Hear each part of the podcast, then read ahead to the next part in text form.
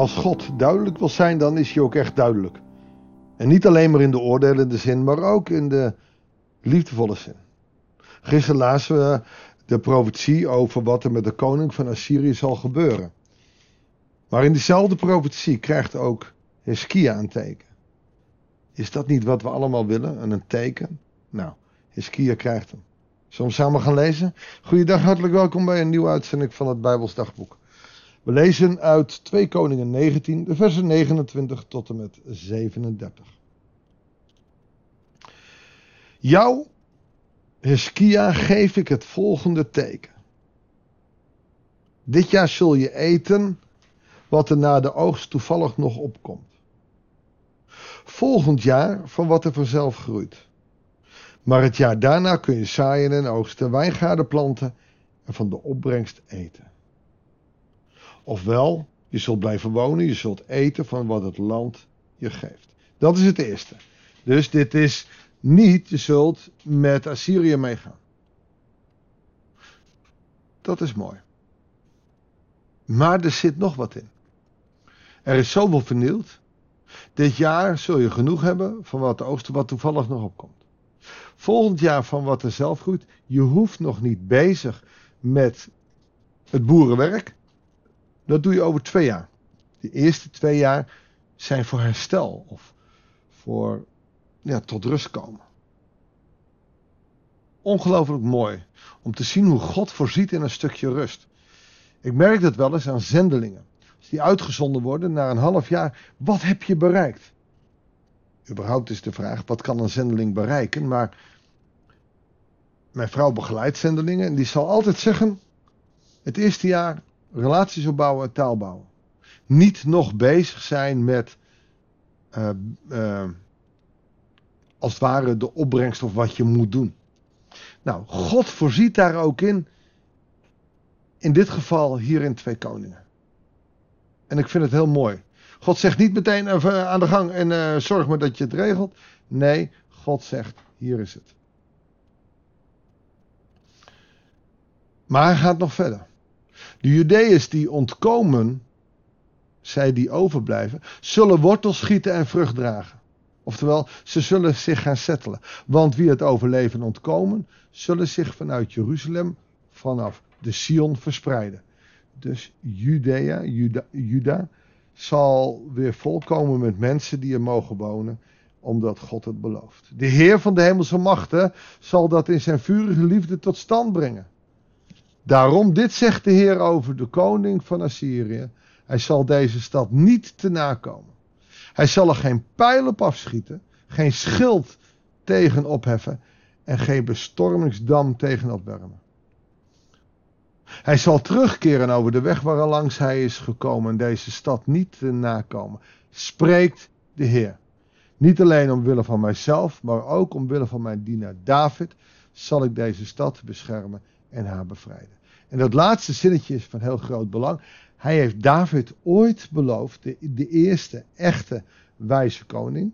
Saul die deed veel te snel al wat hemzelf goed was. David was degene die deed wat goed was in de ogen des heren. Ook al heeft hij ernstig gezondigd natuurlijk. Maar uh, ik heb aan David beloofd dat Jeruzalem altijd de stad zal zijn, waar de tempel zal zijn. Dus omwille van die belofte, maar ook omwille van zichzelf omdat hij een troon nodig heeft om op te zitten. Oftewel, hij troont op de lofzanger van Israël. Zo zal hij de stad sparen. Dat had hij niet gedaan als Heskia niet geloofd had. Als die ook net als de koning van Israël verkeerd gereageerd had. En de afgoden binnen had gelaten. Dus door het geloof in Heskia redt hij Jeruzalem en redt hij Juda. Zelfde nacht trok een engel van de Heer ten strijde en doodde in het kamp van de Assyriërs 185.000 man. Daarin kun je meteen weer vragen: moet dit nou weer zo? Kan hij nou niet zorgen dat ze allemaal bang worden en terugrennen naar Syrië? Nee, je mag dit echt zien als hoe God met het kwaad uh, overweg gaat. Het kwaad moet uitgedelgd worden. En dat gebeurt hier. Het Assyrische volk staat voor het kwaad. Net als bij de intocht, als na 40 jaar het land veroverd wordt, dan worden er best wel gruwelijke dingen gedaan, ook wel uh, zoals God dat wil. En het kwaad is van ontzettend groot belang om dat uit te delgen. En dat je niet zegt, nou, het meeste doen we niet, maar ach, een beetje. God houdt niet van compromissen sluiten. En deze compromissen moeten wij ook niet willen sluiten. En het valt niet altijd mee. Onlangs kreeg ik een vraag: kun je niet waarschuwen tegen dit of dat? Ja, dat wil ik wel, maar het lastige is, er zijn dan heel veel waarschuwingen die je moet doen. Dwaalleraren. Dingen die de kerk niet vertelt, die er misschien wel zijn. Weet je, het belangrijkste is dat jij jezelf wapent. Want jij, hè, Israël, is eigenlijk het kind van God. Ook al bestaat het uit miljoenen mensen. Jij, kind van, is, van God, dient heel persoonlijk met God in relatie te staan. Je keuzes te maken. We kunnen nooit zeggen, dit of dat is unaniem verkeerd. Natuurlijk zijn er wel dingen. Uh, ik denk dat uh, je kan zeggen dat wat Hitler deed verkeerd was. Maar heel veel Duitsers die moesten doen wat Hitler deed, waren christenen. En deden dat omdat het een taak was. En voor wie het ontzettend moeilijk is geweest. Maar dat was net zo goed in het leger van de Amerikanen. Er is zo'n film, ik kan even niet op de naam komen, over een soldaat die niet wilde vechten. Wel in dienst ging, wel in het leger ging, maar zonder wapen. En een hele indrukwekkende film die laat zien dat hij heel principieel zei: Ik wil geen wapen hebben om te doden. Terwijl heel veel christenen zeggen: Je moet wel een wapen hebben, je, moet je, je mag je verdedigen. kijk maar naar wat de Heer doet. Hij laat hier uh, heel veel mensen doden. Uh, je mag je verdedigen. Alle twee is helemaal niet zo verkeerd. Er is voor die man wat te zeggen: ik wil niet doden, ik wil geen wapen hebben. Ik denk dat uh, heel veel christenen in Amerika het helemaal niet met me eens zijn. Heel veel evangelische christenen daar dragen een wapen. Uh, maar ook mensen die zeggen: ja, je mag je verdedigen. God laat het, volk optrekken. En, uh, dus er is voor alle twee wat te zeggen. Het belangrijkste is dat jij gewapend in je geloof staat voor dat wat komen gaat. En ik noem het dan maar eens gewoon. Um, en daar kun je allemaal van mening over verschillen. Laten we daar duidelijk zijn. Maar er is een dreiging van een great reset. En voor sommigen is dat al heel aantoonbaar. En anderen hebben zoiets, ik moet het nog maar zien. Het belangrijkste hierin is, hoe sta jij? Je kan wel zeggen, de kerk moet het zeggen en we moeten meer gewaarschuwd worden. Ja, naïeve mensen zullen bang worden. En die zullen vanuit angst hun geloof verliezen of in paniek raken. Maar als jij heel sterk bent en het ziet aankomen, wat moet je dan doen? Dan moet je jezelf krachtig maken in je geloof. Dus, dus voor, de, voor de preekstoel vind ik het lastig om altijd dit soort dingen te zeggen. Omdat ik geen mensen onnodig bang wil maken. Maar we moeten als kerk ook niet te naïef zijn.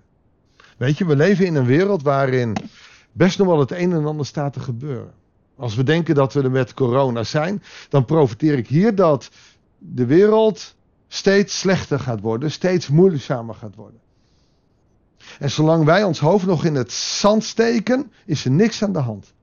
Maar het zal niet lang duren dat ons hoofd echt uit het zand gehaald wordt. En dat we gaan zien dat deze wereld kwalijk in elkaar zit. Mensen die op internet veel zitten en daar het nieuws kijken, zien dat al. Maar je kunt vervolgens ook weer te veel zien. Tegenwoordig hoor ik ook wel, nou, er is tegenwoordig veel meer aan de hand. Ja, wacht even, dat weet ik niet als je kijkt ten opzichte van vroeger. Wij weten nu meer. Dus er zijn twee kanten. Er gebeurt er veel. Maar er zijn twee kanten. We weten ook meer dan 50 jaar geleden. Dan hadden we geen internet. Dan wist je niet wat er in Centraal-Afrika of in uh, Korea gebeurde. Hooguit sporadisch via organisaties of eens een krant. Nu gebeurt er ergens wat en je ziet het meteen op internet. We zijn niet meer afhankelijk van wat nieuwswaarde heeft voor de regering of voor de grote nieuwscompanies. Nee, je hoort nu via kleine kanalen wat er aan de hand is. Soms zelfs ongenuanceerd. Dus het maakt het heel moeilijk om uh, je te wapenen tegen alles wat komen gaat. Daarom ben ik veel meer, wapen je nu niet tegen iets, maar zorg dat je de wapenrusting van de Heer bij je hebt. En dat je in geloof weet dat er, wat er ook zal komen, God voor je is. En dat is het geloof. En je ziet hier bij Hiskia dat hij vol geloof is en naar God toe gaat.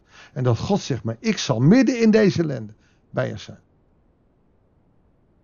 En hij heeft hier Jeruzalem gered omdat hij dat ook nog eens beloofd had.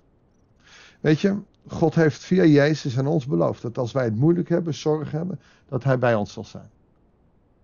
Hij heeft niet en nergens beloofd dat als je maar gelooft, dan, dan zal je niks overkomen. Nee, allen die vermoeid en belast zijn, ik zal je rust geven, ik zal je kracht geven. Nou, het grootste wonder wat ik zie, is dat mensen die in paniek zijn, rust krijgen. Omdat ze vertrouwen op God. Die hoop, die kracht kunnen we ontvangen. We zijn niet beter dan niet-christenen. We zijn niet bevoorrechter. Wij hebben alleen hoop en perspectief. En onderschat niet wat daar de waarde van is. Mag ik voor je bidden? Heer, die hoop en die verwachting hebben wij van u. Wil ons perspectief geven in ons leven. Ons zegenen in alles wat we doen. En help ons door de kracht van uw geest dicht bij u te blijven en te groeien in geloof. Dat bidden wij u in Jezus' naam. Amen. Dankjewel voor het luisteren. Ik hoop niet dat ik naïeve mensen of mensen die het allemaal niet van nauw nemen, of dat klinkt allemaal negatief, dat bedoel ik niet eens, maar mensen die er niet zo mee bezig zijn, onnodig bang heb gemaakt. Soms is het ook goed om bewust te zijn van wat er gebeurt. Maar wat er dan precies exact gaat gebeuren in de toekomst, weten we dan ook weer niet. Ik wens je een goede dag, een goed weekend en heel veel zegen. En graag tot de volgende uitzending van het Bijbels Dagboek.